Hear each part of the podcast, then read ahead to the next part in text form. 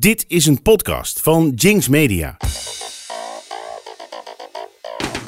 Je hebt van die mensen, daar ben je gewoon zo van onder de indruk. Achter op de brommer eh, bij mijn monteur eh, naar ons eh, bovenkamertje. Fuck maak jij nou, jongen?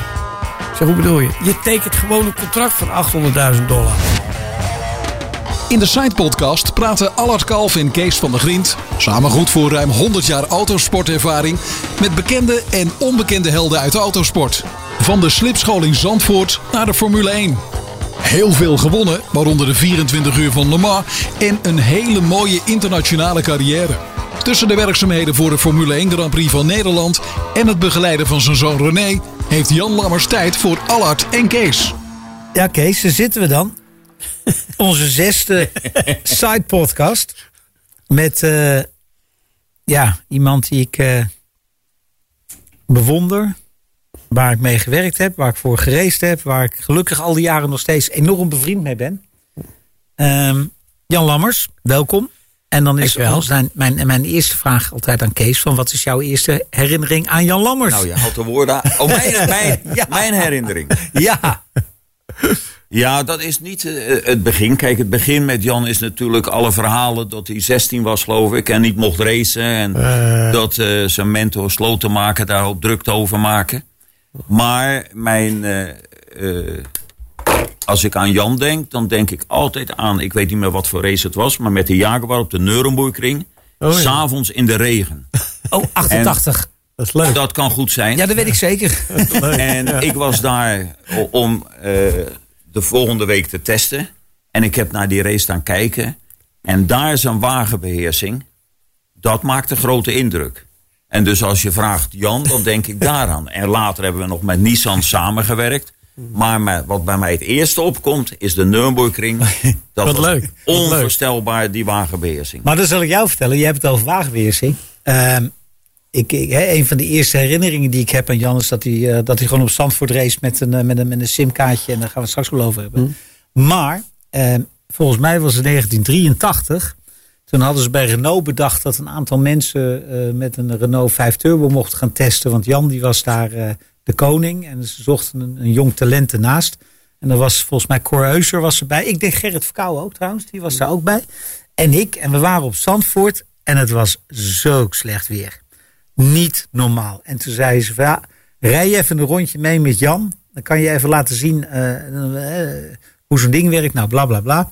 En we rijden, ik weet nog we rijden door de slotenmakerbocht door een plas, jongen. En ik denk, we gaan gewoon haaks links vangen. Dat, ik denk, en, en dat ging allemaal goed. En toen dacht ik ook van, holy moly. Hier he- over wagenbeheersing gesproken. Hè, daar kon ik op dat moment alleen maar van dromen. Toen ben ik trouwens heel hard gaan werken.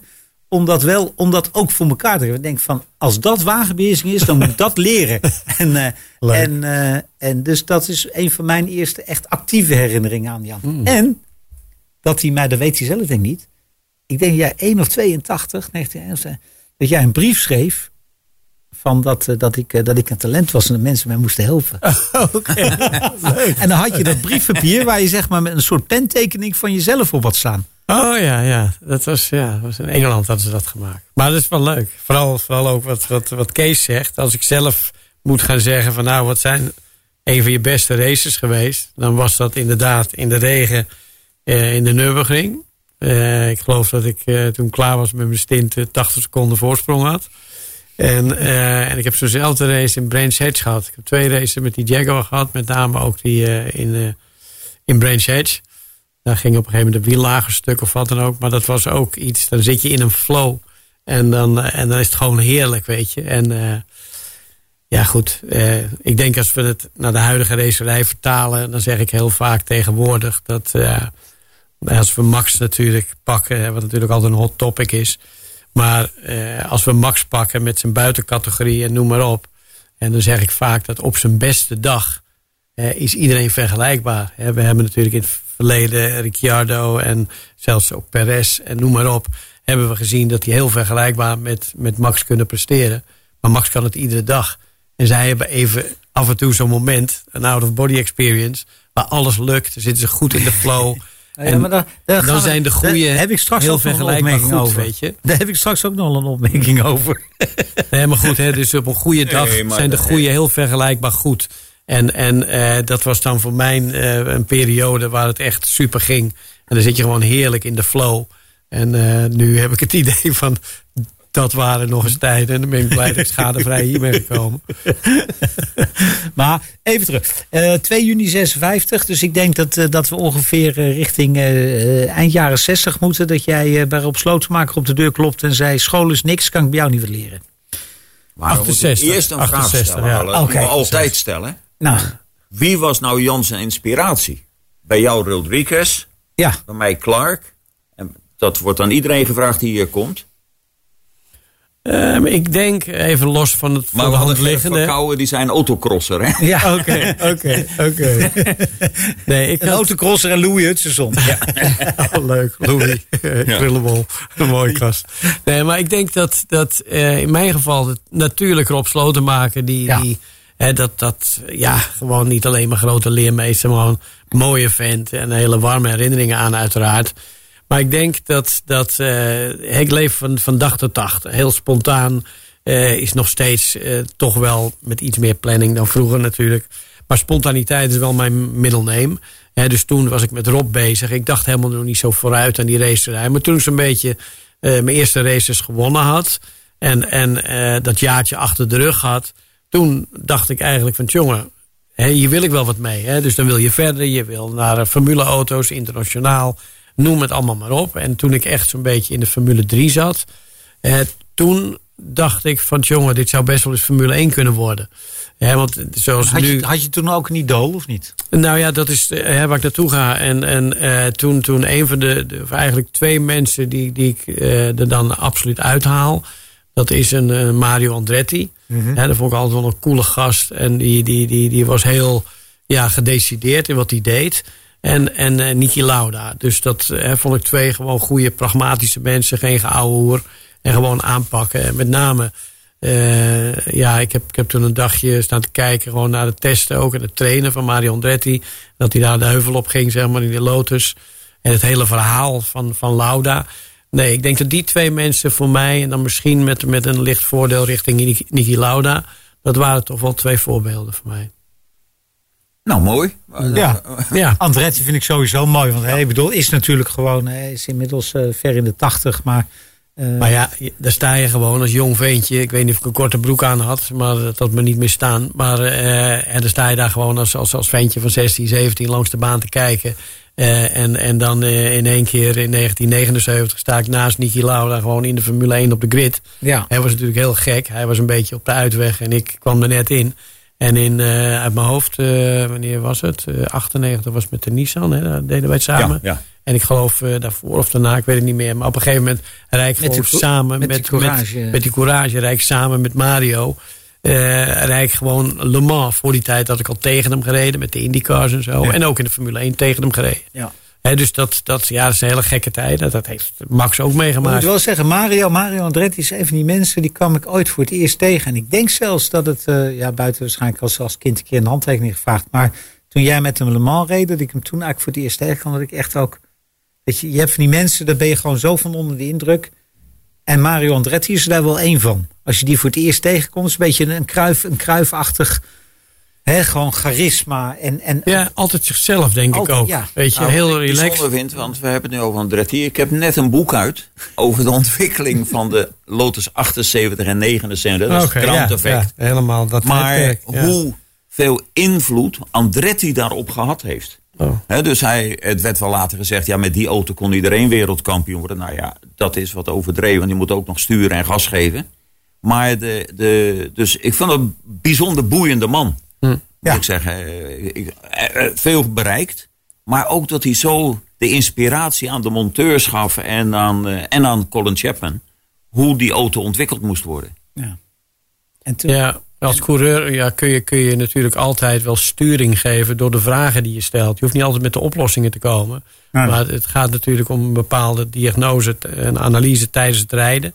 Dat je echt de goede, relevante punten eruit haalt en de juiste vragen stelt. En de knappe koppen komen dan wel met de antwoorden, weet je. Dus op die manier kun je echt heel veel sturing geven. Nou ja, daar heb ik nog een mooie anekdote toen we bij Nissan waren voor Le Mans. oh ja, Ah, Ja, omdat Jan dat zo zegt. We hadden toen een, eh, een debrief, eh, hoe noem je dat, nabespreking. En toen ging het over schakelen zonder koppeling. Oh ja. En eh, nou ja, dat was natuurlijk een heel debat. En eh, de, laten we zeggen, de, de wat ego's in het team. Hè, we hadden negen rijders, geloof ik. Ja. Die wilden dan zonder, hè, want dat was iets sneller. En ik zal nooit vergeten dat Hoshino, die nauwelijks Engels sprak. En die zei, goh, we gaan toch 24 uur rijden. Ja. Zouden we niet het materiaal heel houden? Ja. en dat is toch ook een klein detail, maar wel een input. Ja, ja, ja. Dus, eh, ehm, na, na simkaartjes, wie, wie heeft er vaak voor gezorgd dat jij naar Hawk ging en dat je daar in Engeland eh, te- terecht kwam, zeg maar? Dat je überhaupt bij Hawk terecht kwam? Ehm, nou, ik, ik kwam denk ik bij Hawk en in Engeland op de radar. Eh, dat was, toen hadden ze een algemene testdag in Zandvoort. En dat was voor de introductie van de Formule Ford 2000. Hè, we hadden Formule Ford 1600. Hè, dat is zo'n open sigaartje. Zonder vleugels en eh, profielbandjes. En dan had je de Formule Ford 2000. En dat was zeg maar, maar, maar een, een eh, Formule 3 light, zeg Ja. maar. Hè? Dus, dus een cafeïnevrije uitvoering van de Formule 3. Eh naderhand werd dat Formule Renault, zeg maar. Maar die Formule Ford 2000 werd geïnteresseerd. Hartstikke leuke auto's, zag er ook leuk uit. Maar ja, dus je kreeg dat eh, Crossley en Hawk, eh, die mannen, die kwamen, de, dat waren de fabrikanten van die auto's. Die deden ook Formule Ford en nu Formule Ford 2000. Eh, die kwamen naar Nederland en of gewoon, daar mochten dan bestaande rijders in Nederland daarmee rijden om kennis te maken in de hoop dat ze er een zouden bestellen. Maar als referentierijder hadden zij dan in dat geval Tiff Nidel bij zich. Dat was toen het talent. Eh, hij was toen de Grovewood Award winner. Ja, ja. Oftewel eh, de, de, de- het jonge talent van Engeland. Die ging, kwam mee. En eh, toen, toen eh, Tiff kwam daar nog steeds hele leuke verhalen. Het is een beetje I love me verhaal van mij. Maar het is ook een beetje trots dat ik erop ben. En natuurlijk. En toen waren die jongens daar. En ik was op de slipschool aan het baanspuiten. Dus ik zag er niet uit. En de olie en, en noem maar op. En de vieze schoenen. Dus toen was het van ja, je moet even naar het circuit gaan. Want daar zijn ze, bla bla bla. Dus ik ging er even heen. En die jongens waren allemaal aan het testen. Michel Blekemolen was er. En eh, Maarten Henneman. En al, al de usual suspects uit die tijd. Die waren er allemaal. Alle goudhaantjes. En toen kwam ik daar aan. En toen ging ik naar Vic Holman. Ja. Vic Holman was toen de, de man van, van Hawk. Eh, David Lazenby was de eigenaar en, en eh, de oude monteur van Jim Clark in Indianapolis eh, Ja. gewonnen en dat soort dingen. Hij was de eigenaar van Hawk. En, ehm, of, ja, min of meer. Er zit nog meer aan vast. Komen we zo wel op. Maar in ieder geval. Vic Holman, die was daar. En ik ging hè, van ja, bij wie moet ik zijn? Bij wie moet ik zijn? Ja, moet je aan hem vragen. aan hem vragen. Nou goed, dus ik sta bij Vic. Ik kwam ongeveer tot net boven zijn navel. En, en ik zeg van ja, mag ik ook rijden? Mag ik ook rijden? Dus ja, Vic die had echt zoiets van ja, sorry, we zijn even bezig hier. Weet je wel. En ik zei van. Hè, dus ik ben een beetje weggeserveerd als een klein jongetje bij de slager. Van, weet je, die nou, nu nog achteraan staat. Maar eh, dus, dus toen, toen stond ik daar. En toen die andere jongens, ja, die kenden mij wel een beetje. Hè, dus die net gereden hadden, die, die stonden zo naar Fik van... Nee, Doe maar.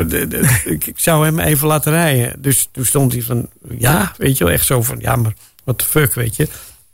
Moet je dan geen race overal aantrekken? Nee, dat gaat zo wel. Zo ging dat toen, hè. Nee, dat gaat zo wel, want ik moet zo weer werken. Oh, oh, oh. Maar je moet toch op zijn minst een helm hebben? Oh ja. Dus ik kijk zo naast me. Er staat een jongen gewoon met een brommer. Die staat gewoon te kijken.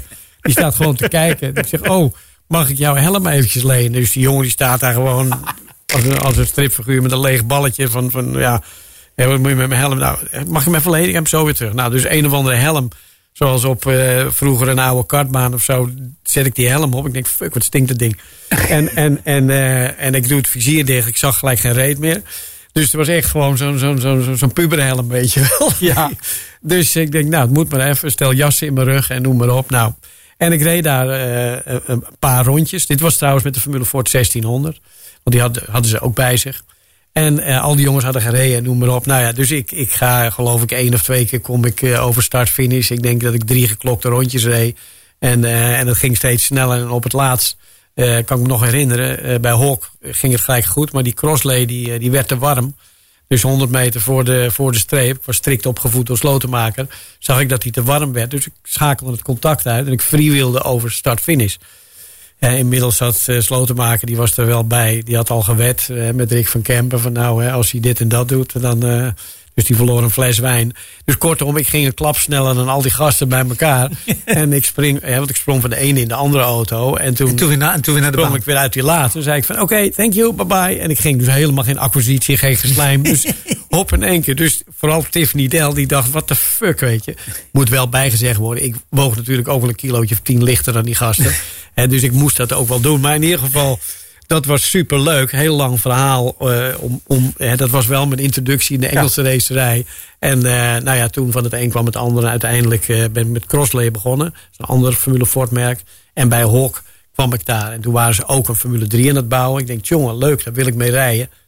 Zo naïef als de pest. Dus niet van, ja, en dan ben jij, eh, dan ben jij de enige met een Hawk tegen al die anderen. En dat was de meeste waren Rods en Chevrons. Dat was het ook wel. Beetje March. Ja, inderdaad. Ja, die was toen niet zo. eh, hoe heette die andere?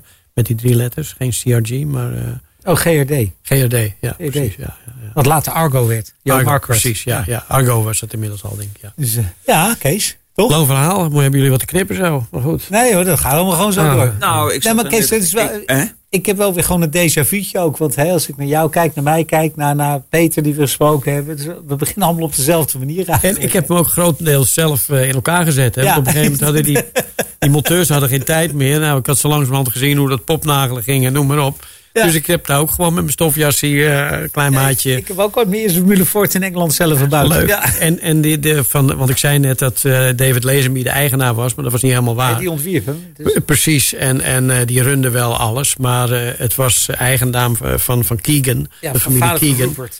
Ja, Rupert Keegan. En die, de vader van Rupert, ja. En die had British Air Ferries. Dat was een vrachtvliegtuigenmaatschappij. En dat zat in Southend op het vliegveld.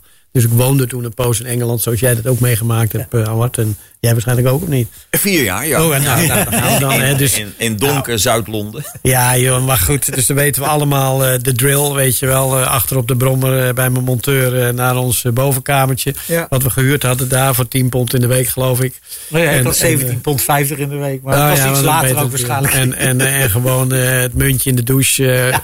Gooien, weet je wel. Dan moest je snel douchen. En, ja. ja. heb jij dat mee? Maar ik had muntjes in de, in de, in de Elektra. In de meter. Ja, ook. Ja, ja, ja, in de meter, klopt. Als, je, als je wegging, dan, dan verbruik je ook niks. Dat was eigenlijk een super systeem. Ja, ja, dat kunnen ze in Amsterdam nu al gebruiken, denk ja. ik. maar goed.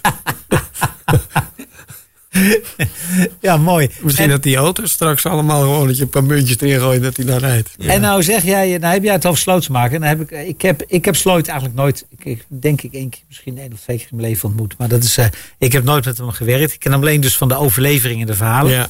Wat, ik, wat ik wel, en dan moet jij me zeggen of dat, of dat klopt of niet. Kijk, uh, je had destijds Rob die met Wim Loos uh, een aantal dingen ging doen. Ja. En ik heb wel het idee dat hij daarvan geleerd heeft en die fouten met jou niet gemaakt heeft. Nou, daardoor had hij bij mij toch een beetje de rem erop, weet je. En, en uh, even, even voor de nieuwe generatie. Uh, dat, dat mensen die onder de 30 zijn, die denken waarschijnlijk, wie de fuck ben ik? Uh, dus, dus die uh, he, ja, lammers, je, je lammers heet, gewonnen, he, voor, die, voor die ja. generatie. Ja, generatie. Nee, maar zonder gekheid, eh, met gekheid. Uh, Rob Slotenmaker was, was absoluut ja, een beetje de, de, de, de Nederlandse Paul Newman, hè, een oude acteur. Hè, die ook racete, charismatische man. Hij stond voornamelijk bekend vanwege zijn, zijn car control. Hij had een anti-slipschool. De eerste in de wereld. Hè, de, sommigen uit die generatie hebben daar nog discussies over. Maar ik houd erop dat hij de eerste was. En hij werd door Steve McQueen, nog een oude acteur, uitgenodigd voor de film De 24 uur van Le Mans. Die nog steeds op YouTube te zien is. Werd hij uitgenodigd om uh, al het slipwerk te doen. Hij heeft ook wat camerawerk gedaan. Daar heeft Nederlander Hanne Akersloot ook nog uh, geholpen. Ja. dus, dus hartstikke dus, leuk. Al die spins die je in de film van Steve McQueen ziet, die heeft Robs gedaan. Ja, behalve die van David Piper. Die dan... Ja, dat was een nare ongeluk. Uh, ja. maar, maar, uh, maar goed, dus dat, dat was eigenlijk hoe Rob zijn expertise in de wereld als slip-expert ja. uh, te boek stond. En hij heeft mij alles geleerd wat ik, wat ik weet. En na de rand ga je dat zelf natuurlijk zelf ontplooien. Maar uh, even kijken. Uh, ja, dat was Rob Slotenmaker, zeg maar. En, en, en uh, ja, voor de rest, toen ik een jaartje of 17, 18 uh, werd, werd ik wel ongeduldig. Ik wilde naar de formuleauto's en noem maar op. Maar omdat Rob twee jaar voordat hij mij leerde kennen en wij elkaar leerden kennen, had hij die ervaring met Wim Loos gehad. Hè, die was in eh, Spa-Francorchamps verongelukt. Een jongen uit Zandvoort, ook een jong talent. En eh, ja, die pijn die, eh, die leefde nog wel bij hem. Ja. Ja. Heb jij Wim Loos? Nee. Wat zeg je? Heb jij Wim Loos meegemaakt of niet? Nee, nee, nee alleen als, als jochie op eh, de Tarzan-tribune. Ja. Maar niet, eh, dus wel de hele affaire, of tenminste affaire, het verongelukken natuurlijk. En het team maken met die, met die alfa's, die witte-oranje ja, die auto's. Mustang, en. Mustang. Ja, leuk, dat heb je wel meegemaakt. En, en natuurlijk Lotus 47 gaat hier, zo'n eh, zo'n Europa, maar dan voor het circuit. Maar eh, nooit bewust eh, gekend of eh, in de buurt geweest. Alleen maar als lezen in de autorevue. Nou ja, ik weet, ik Of weet, van ja. de tribune. Ja, ik weet sloot, sloot van, de, van, de, van een Camaro met Martin erop. En, eh, en natuurlijk de sportscar met fotolieter drommel. Hè? Dat was ja, die ja, zeker. nou, ik denk, denk ook met name voor de jongere luisteraar en voor de nieuwe generatie. Kijk, ehm, tegenwoordig moet je door de week op een avond naar Zandvoort gaan om te zien wat clubracen is. Ja. Eh, en, en zelfs die tijd dat ik in Nederland reed, het was allemaal clubracen. Je, had, je had soms eh, zeg maar een, een soort ratatouille-klasse. hè, waar, waar mensen gewoon niet aan een reglement vol, voldeden. auto of kan dan ook. racen. Precies. gewoon wat je ook had, kon je racen. En dan werd je een beetje ingedeeld. Maar voor de rest, alles zit nu in een protocol, in een reglement en noem maar op. Ik kom net met onze jongste zoon René uit de kartsport.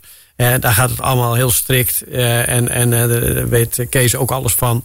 Maar dat, dat is allemaal, zit alles in een protocol. Iedereen doet wat iedereen doet. Nu de laatste drie maanden zijn we met René druk bezig in de Formule 4. Dat is ook al die jongens die gaan de baan op. Die warmen op dezelfde manier hun banden op. Die doen hunzelfde pushlaps. Hè, ofwel de kwalificatierondes Ja. op dezelfde manier. Ze hebben op hetzelfde moment van de dag hebben ze een racerun. Hè, de race simulatie. Ze, ze oefenen allemaal de starts op hetzelfde moment. Op dezelfde manier. Alles zit in een protocol. En, eh, en er wordt nu wel met confetti geschoten. Er startvelden van, van, van, van boven de 100. En dat is vaak schering en inslag. Ja. En dat was in de tijd van, van, van, van Jos en Max en eh Nick de Vries en van Guido. Was dat anders. Niet noodzakelijk makkelijker. Maar dan moest je echt geselecteerd worden om mee te doen. Neem niet weg dat je startvelden soms had van, van, van 27 of 30 eh karts. Nou, dat, dat heb ik nooit met René meegemaakt. Als wij een rustig weekend hadden, dan waren het er 60 of, of misschien 56.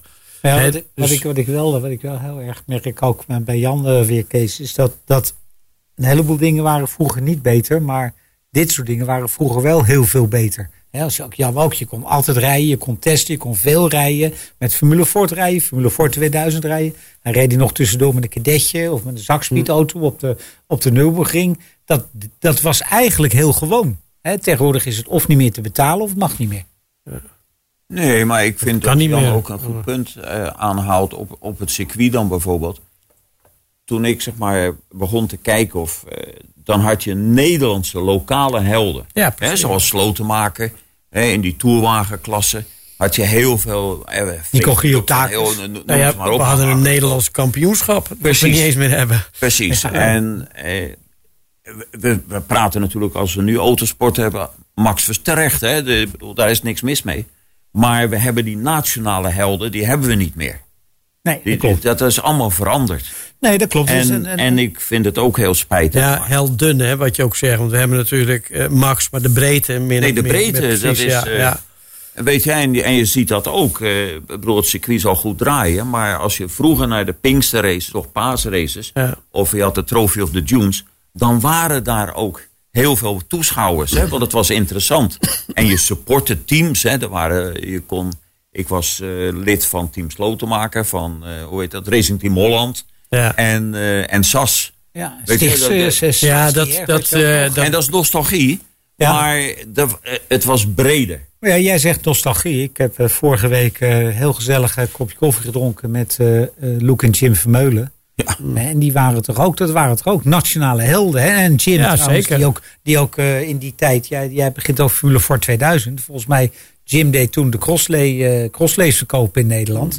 En die, die, ik zeg wel eens, zonder Jim en Luke en ook Huub, hadden we gewoon, had de autosport in Nederland heel anders uitgezien. Ja, maar ik denk dat dat ook gewoon eh, wat. wat dat heeft ook te maken met de generatie in de bredere zin. Niet alleen autosport, hè, maar ik bedoel, als je nu ziet de, de opties die je hebt met de ontwikkelingen van, van, van, van evenementen en de competitie van entertainment. Wat zal ik vanmiddag gaan doen?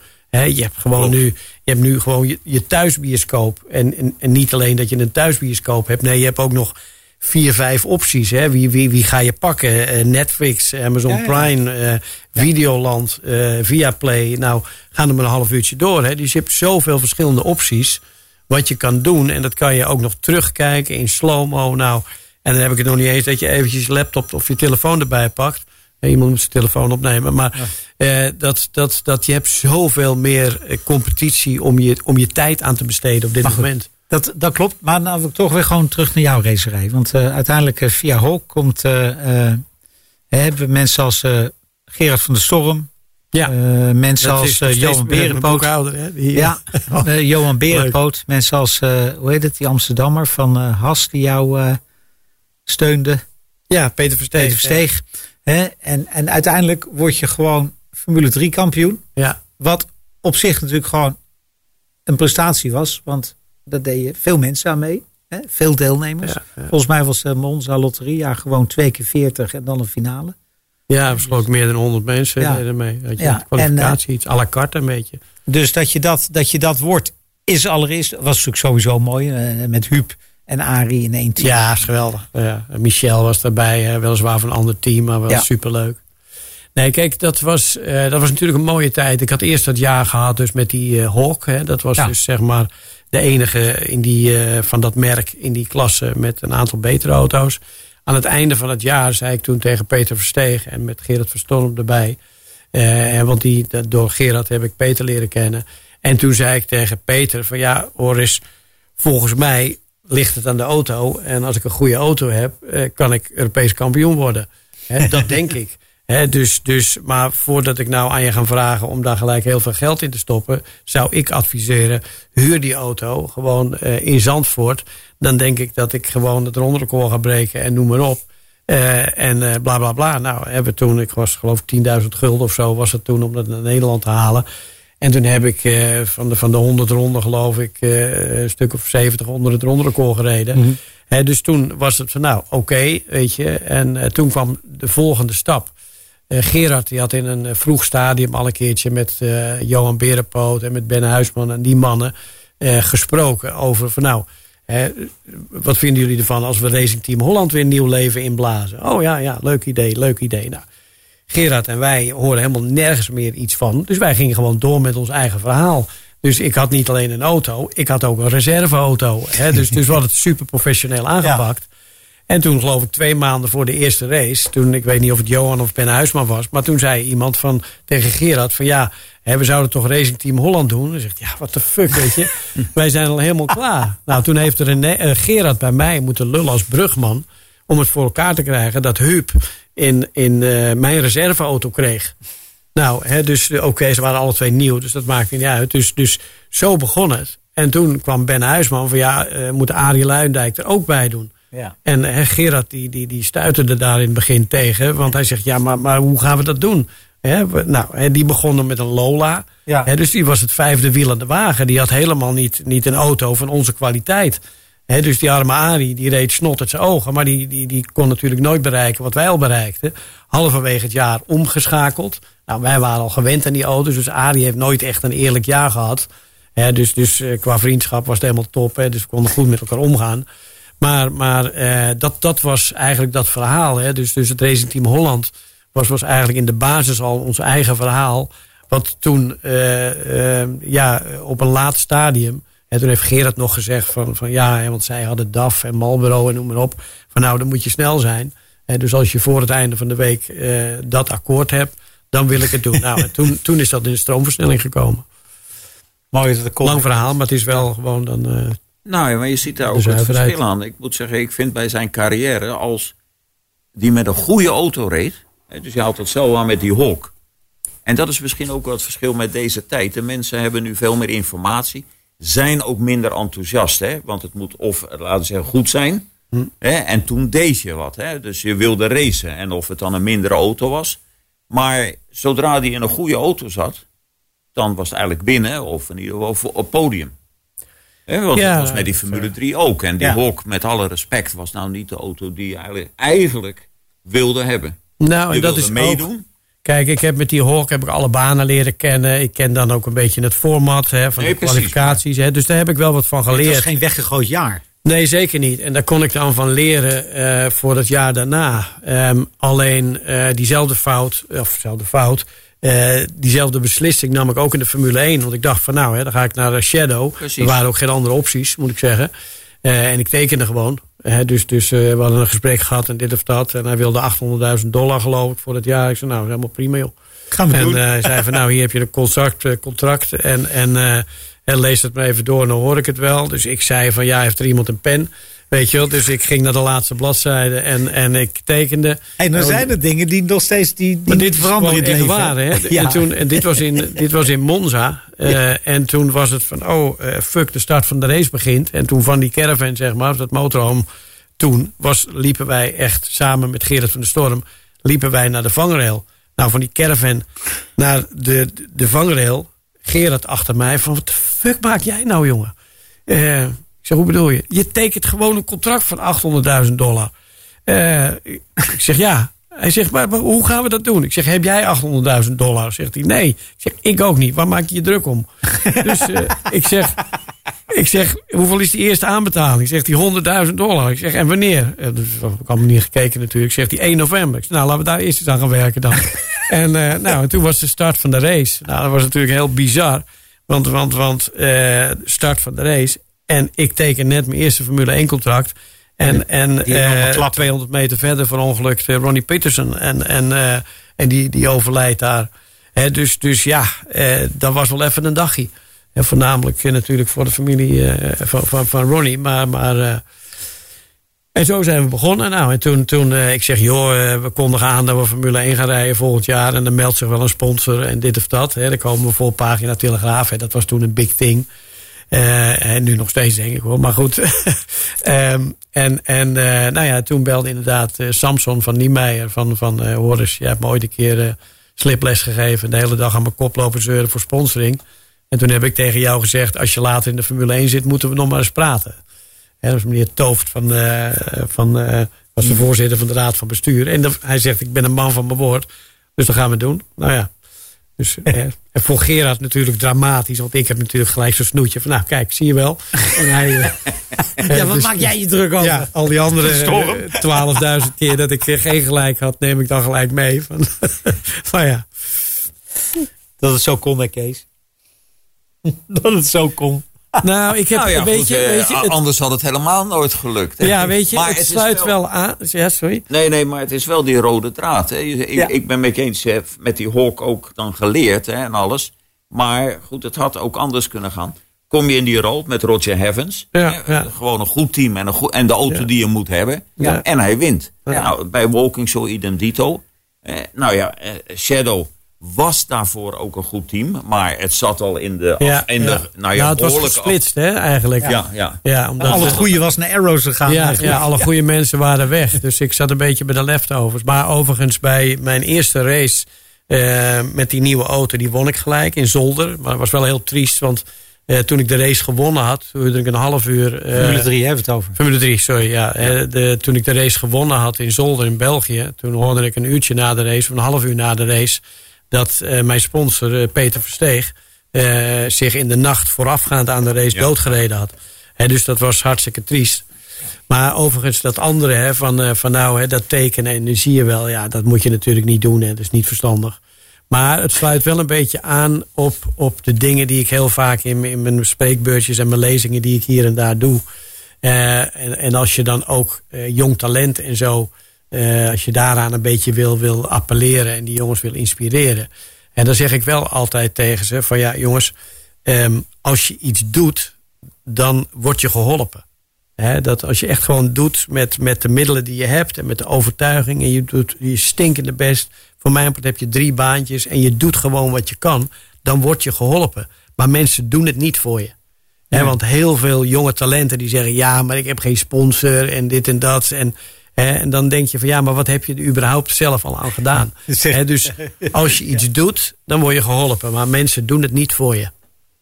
Ja, helemaal mee eens. Ja. Zegt, Helemaal zegt, mee eens, want zegt, je- overigens, zegt overigens de man die een, eh, een doom bestelde... terwijl net zijn hoofdsponsor afhaakte. Hè?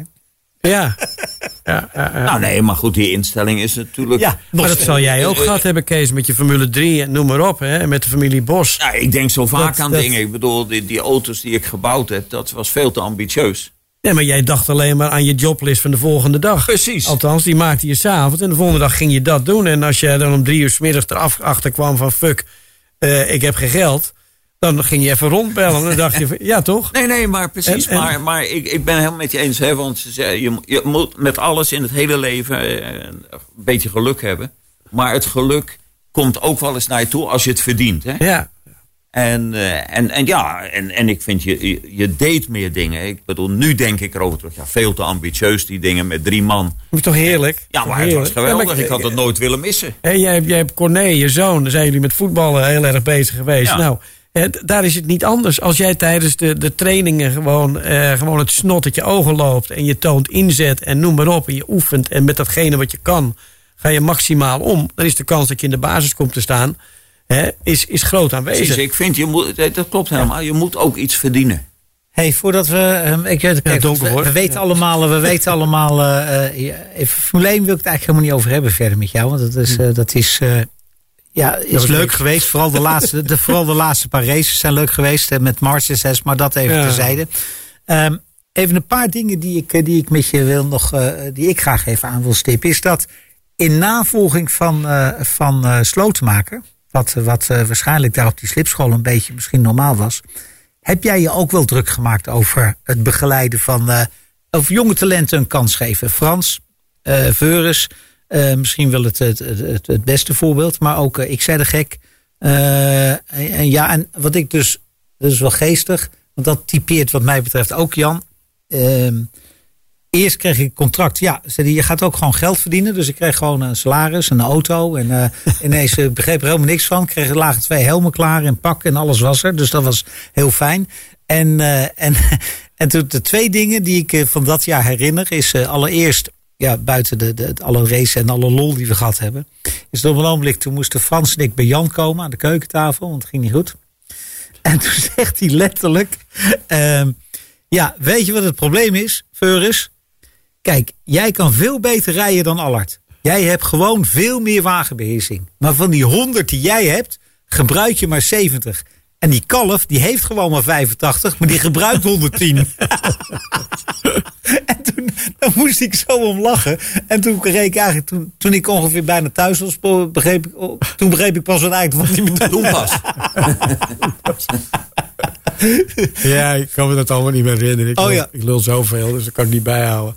Nee, maar ik heb altijd wel... Ja, maar die, ik vond het wel heel, want het klopte namelijk ook. Want Frans heeft veel meer wagenbeheersing dan dat ik heb. Frans kon eigenlijk veel beter rijden dan dat ik ooit heb kunnen rijden. Ik denk dat. Frans nog meer eh, eh, wagenbeheersing had eh, dan, dan ik zelf. Juist, alleen dat kwam er dus in zo'n weekend nooit uit. Nee, maar dat, is, dat, zie- dat zie je tegenwoordig nog. Hè? Want, want, en ik zeg het vandaag de dag nog dagelijks tegen mensen als voorbeeld. Kijk, eh, soms denken mensen gewoon dat, dat eh, als, je, als, je, als je voetballer wil worden, ga je voetballen oefenen en dit en dat. En dan, hè, dus kortom, je gaat je, je skills ontwikkelen. En of dat nou golf of tennis of wat dan ook is. Alleen als je die skills dan hebt en je hebt de vaardigheid en je kan het, dan gaat het om het doen. Ja. En, en altijd doen en op de juiste momenten doen. En dan is namelijk het, de, de lakmoestest is dan van ja, maar word jij nou gewoon een eh, tennisleraar of sta je in de finale Wimbledon? Ja. En word jij golf pro of een eh, pro eh, ergens als, als, als, als noem je dat, coach? Hè, dus dus dat, die, die competitie die is wel heel erg belangrijk. En, en dat is hè, wat ik ook probeer mee te nemen bij, bij René. Hè, dat, dat iets kunnen is één ding, maar dan de races naar je toe trekken, de omstandigheden gewoon zo weten te gebruiken dat je toch uiteindelijk weer als eerste over de streep komt. Dat is natuurlijk een heel belangrijk iets. Ja. En, en dat is een vaardigheid op zich. En dat is bijvoorbeeld iets. eh, dat heeft ook te maken gewoon met je, met je persoonlijkheid. En Frans is natuurlijk gewoon een hartstikke goede vent. En, en ja, weet je wel, als ik niet gewoon heb, heb hij gewonnen. Dat is toch leuk voor hem. Ja. Weet je wel, dus, dus ja, is gewoon veel te lief, sociaal, eh, goed mens. Dus die, die, die had niet gewoon, eh, die was niet dat- die, die etterbak die je eigenlijk soms moet zijn om races naar je toe te trekken. Dus ja. Hoor je het? En trouwens, ik en hoor het. belangrijkste, ja, belangrijker nog dan, dan dit voor, voorgaande is dat ik heb altijd het idee gehad. Ik weet niet of iemand ooit die film Pay It Forward heeft gezien. Ja, ja. Eh, maar Pay It Forward was wel altijd eh, iets wat ik in mijn hoofd had. Hè. Ik, ben, ik kom zelf van een familie, eh, wij waren schat helemaal rijk, we hadden alleen geen geld. Ja. Hè, dus dat, dat was het enige. Dus, dus eh, Rob heeft mij helemaal eh, in het, eh, Rob Slotenmaker heeft me in het eh, racen gezet.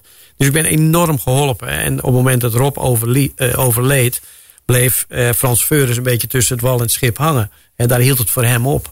Nou, in die tussentijd had ik ook al mijn best gedaan om mijn eh, broer Jaap. Hè, ik ben de jongste van de zeven kinderen. En Jaap komt na mij. Dus ik had Jaap al geprobeerd te helpen in de Formule Ford. Ja, mijn eerste raceauto heb ik van Jaap gekocht. Ja, en vervolgens ja. zat ik met Jaap in het team. Dat heette Jan Ja. Lammers Racing. Ja, ja. Maar goed, hè, dus eh, Jaap, Tony Zwanenburg, Frans Veurens, jij, Peter Cox en, en, eh, eh, en nog een, een heleboel mensen. Maar ik had altijd het idee van, nou, ik ben zoveel geholpen. Ik had altijd het idee van, ja, ik moet ook wat terug doen, weet je. Het, het, En, eh, het ja. andere, het andere wat ik me van dat jaar. Dan gaat Kees dadelijk lachen als ik dit zeg. Het andere is dat het eind van het jaar eh, toen. eh, want het ging eigenlijk best goed. Als ik, als ik mijn dag had, dan reed ik gewoon iedereen de snot voor ogen. Maar die had ik zo weinig, zeg maar, dat jaar. En, aan het, en er waren allerlei problemen, daar gaan we niet over hebben. Maar aan het eind van het jaar belt Jan mij op en zegt: Kom even langs. Ik heb een belangrijk nieuws voor je. Dus, en Opel was net bezig met een Formule 3 motor. Ik denk: Oh, nou, misschien gaan we toch Formule 3 doen. Dus ik kom bij Jan, hup, loop omhoog naar zijn kantoor. Ja, eh, lever volgende week je auto even in, want eh, we gaan niet verder.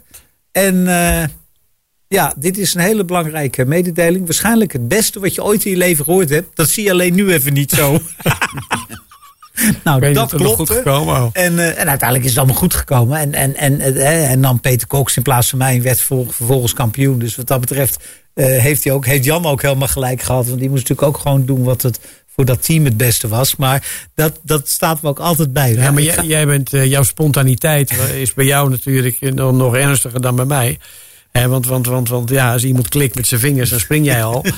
Dus, dus jij was toch eh, heel erg. eh, eh, ja, jij was soms een marionettenpoppetje van je omstandigheden. Weet je wel, dat de mensen om je heen bepaalden jouw gedrag. En, Nou ja, en- nergens, en nergens nee tegen kunnen zeggen. Nee, kan ook ding, kan ook. En, en hè, zoals we hadden het er net al over. Jij, jij kent gewoon alle voor- en achternamen van, van iedereen in de, in de bivak nu van, van Dakar. Met de naam van hun vrouw en hun kinderen. en de verjaardagen. Dus, dus, dus ja, jij mist helemaal niks.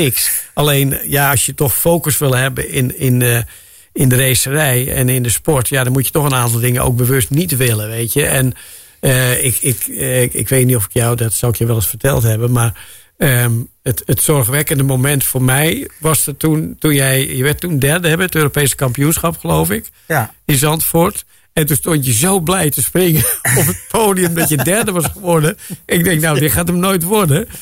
Ik heb nu eh, grote problemen eh, afgelopen jaar gehad om, om René aan het lachen te krijgen op het podium als hij niet gewonnen had. Ja. Dan was hij tweede of wat dan ook. En dan keek hij met een zagrijnige kop. Ik denk, ja, fuck voor de sponsors. Is dat niks, weet je wel. Dan staat hij daar gewoon als, als een verwend eh, jong nest. eh, ontevreden stond hij daar. Maar ja, dat moet je natuurlijk wel een beetje hebben. klopt, en wat dat, betreft, eh, Maar ja. achteraf, achteraf, Jan en Ke- Kees, achteraf kan ik wel zeggen dat ik gewoon van Jan.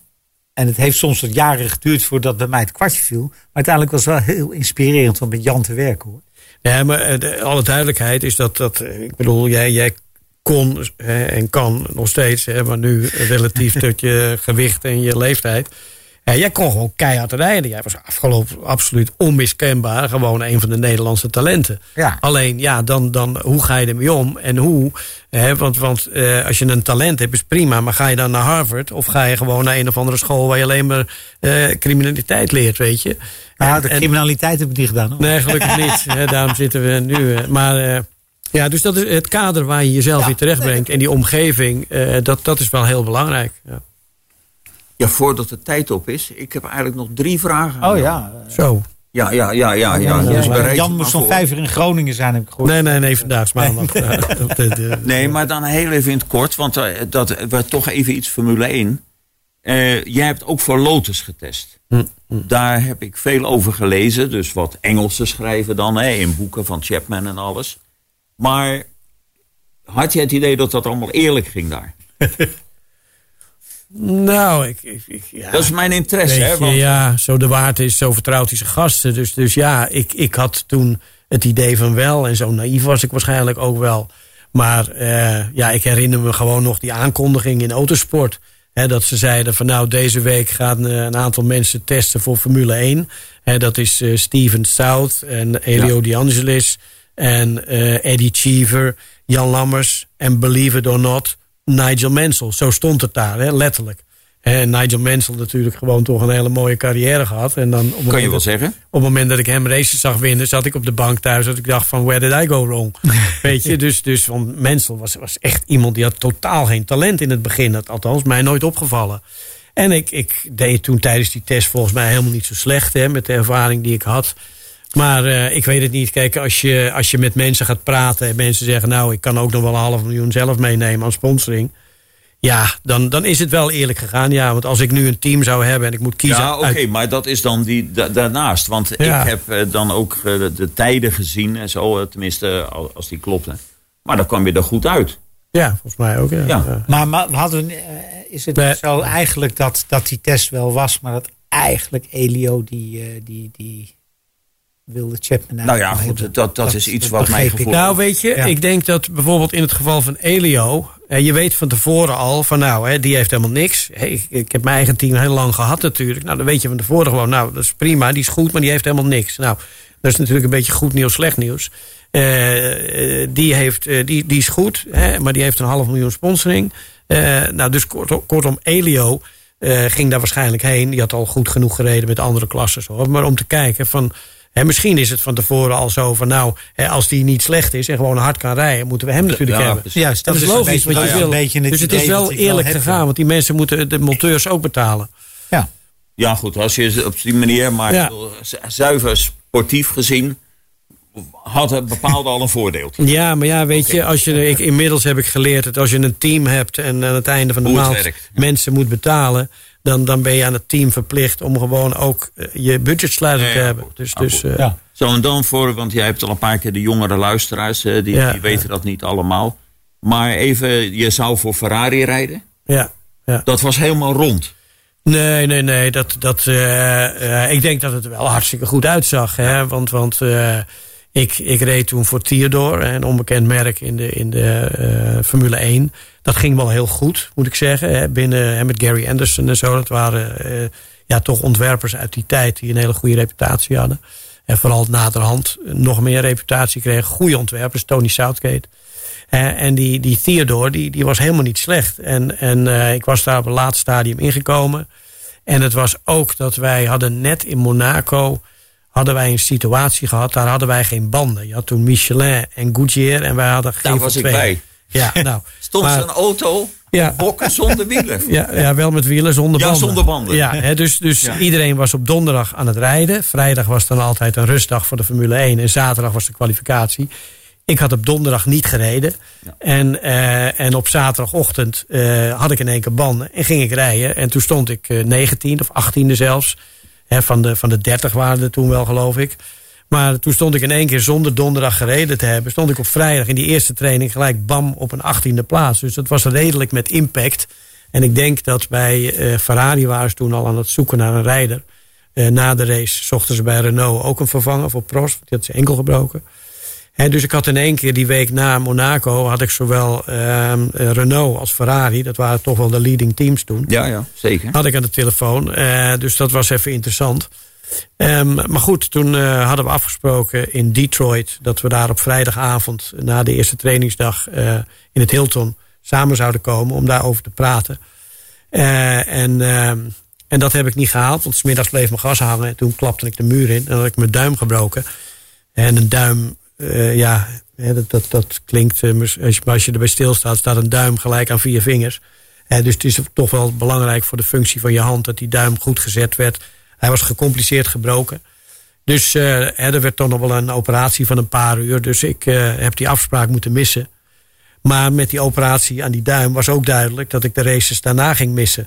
Hè, dus, dus Ferrari had eigenlijk ook geen, geen keus. Nee, ja. Maar die hebben toen uiteindelijk met Patrick Tambay zijn die in zee gegaan. En ik denk dat ik in ieder geval een rijder ben die vergelijkbaar ben met, eh, was met, eh, met Tambay. Dus daardoor, eh, we zullen het nooit weten. En Dus dat, uh, maar ja, als je dan naderhand in 1994 zie je Senna rijden in Imola. En daar is dan een man die je bewondert en benijdt. En dat je denkt van jongen, daar is nou een man die doet wat ik altijd had gewild. En op een zeker moment uh, zie je het ongeluk. En in één keer denk je, wie moet wie nu benijden? Dus ik ben heel happy met uh, mijn hele leven, alles wat ik Oh, maar dat mag kan. je zeker zijn. Dus dus en... nee, maar dan zie je gewoon dat, dat, dat, dat zo'n mooi mens in één keer voor je ogen ja. verdwijnt. Ja. Um, hey, ik had er drie, hè? Ja. Oh ja maar jij mag ja, eerst. we, we misschien hebben... heb ik wat vooraf. Nee, nee, ga door, want ik heb ook nog één ding. Oké, okay, nou in ieder geval, wat, je weet, ik ben een groot kartfan, hè? Dat, ja. dat vind ik. En wat ik heel goed vind, uh, wat je hebt gedaan, want je bent vader, dus je moet sturen. De hele kartcyclus doorlopen. He, want uh, te veel, naar mijn mening, gaan naar de, naar de minis, wat tegenwoordig hot is. En dan misschien nog een jaar junioren. En dan, uh, dan stoppen ze ermee, gaat het naar Formule 4 al en zo. En ik denk dat het heel belangrijk ook voor de rijder zelf. Het sturen zal wel meevallen, maar ook mentaal. Om, om dat eerst allemaal te doorlopen. Nou, jouw zoon heeft dat fantastisch gedaan met uh, hele goede resultaten. En ik denk altijd, weet Allard ook hoe ik daarover denk. Het niet, hij heeft dat gemiste wereldtitel. Hè, dat had hij kunnen worden. 1800ste, ja. Ja, maar, had, maar, ja, maar dat is geen slechte uh, nee, zaak. Hè, want de geschiedenis nee, bewijst ja. dat, uh, dat de kart wereldkampioen in die automatenklasse... Nee. eigenlijk uh, niet zo verder komt. Nee. Dus dat is eigenlijk wel goed. Maar hij was... De mensen die tweede worden komen verder. Ja, ja uh, laten we zeggen de top 5. Ja. Ja. Maar in ieder geval, hij was uh, de, de, afgelopen periode de, de man eigenlijk in, in, in karting. Dus mijn vraag is, een lange introductie. Maar hoe gaat het nu verder? Ja, autosport. Dus, dus eigenlijk, uh, we hebben wel, ik heb tegen René altijd gezegd, zijn eerste vraag was ooit een keertje vroeger van, van, van, uh, uh, van ja, mag ik internationaal rijden? Ik zeg, als je wint mag je alles. En zo simpel is het. Het gaat om het winnen, tweede, achtste, twaalfde, boeiend. Maar, maar als je niet gewonnen hebt, heb je verloren. Uh, dus daar gaat het gewoon om. En, en je moet gewoon presteren. Kijk, een, een, spits die moet scoren en een keeper die moet ballen tegenhouden. En als hij een van die twee dingen niet doet, zit hij op de bank en op de tribune en naar huis. En dat is met autoracen is dat ook zo. Hè? Dat wil niet zeggen dat je altijd races moet winnen, maar je moet binnen je potentieel. Als jij van een vijftiende plaats naar een tweede plaats komt, is het ook nog goed. Hè? Dus binnen je potentieel maximaal scoren. Dat is heel belangrijk. En, uh, ja, en, en ik zie het net als op school. Want, want in die kartsport bepalen de ouders vaak of ze verder gaan. Hè, er zijn jongens die hebben in de minis geen race gewonnen. Gaan ze naar de junioren. Winnen niks, gaan naar de uh, senioren. Nou, precies. En... en die winnen niks. Die gaan dan naar Formule 4. Winnen daar ook niks. Gaan ze naar Freka. En dan wordt het wel moeilijk, want dan moet je je kwalificeren. Dus uiteindelijk ik vind het gewoon logica. Als jij in de sportschool 50 kilo niet opgetild krijgt, hoe logisch is het dan dat je 55 kilo gaat proberen? He, dus je moet gewoon kunnen wat je moet kunnen. Er is geen shortcut. Dus uh, ja, en gelukkig hebben we hele goede partners gehad. En een hele leuke tijd. Als hij er morgen mee wil stoppen, hebben wij gewoon een vakantie van een jaar of zeven gehad.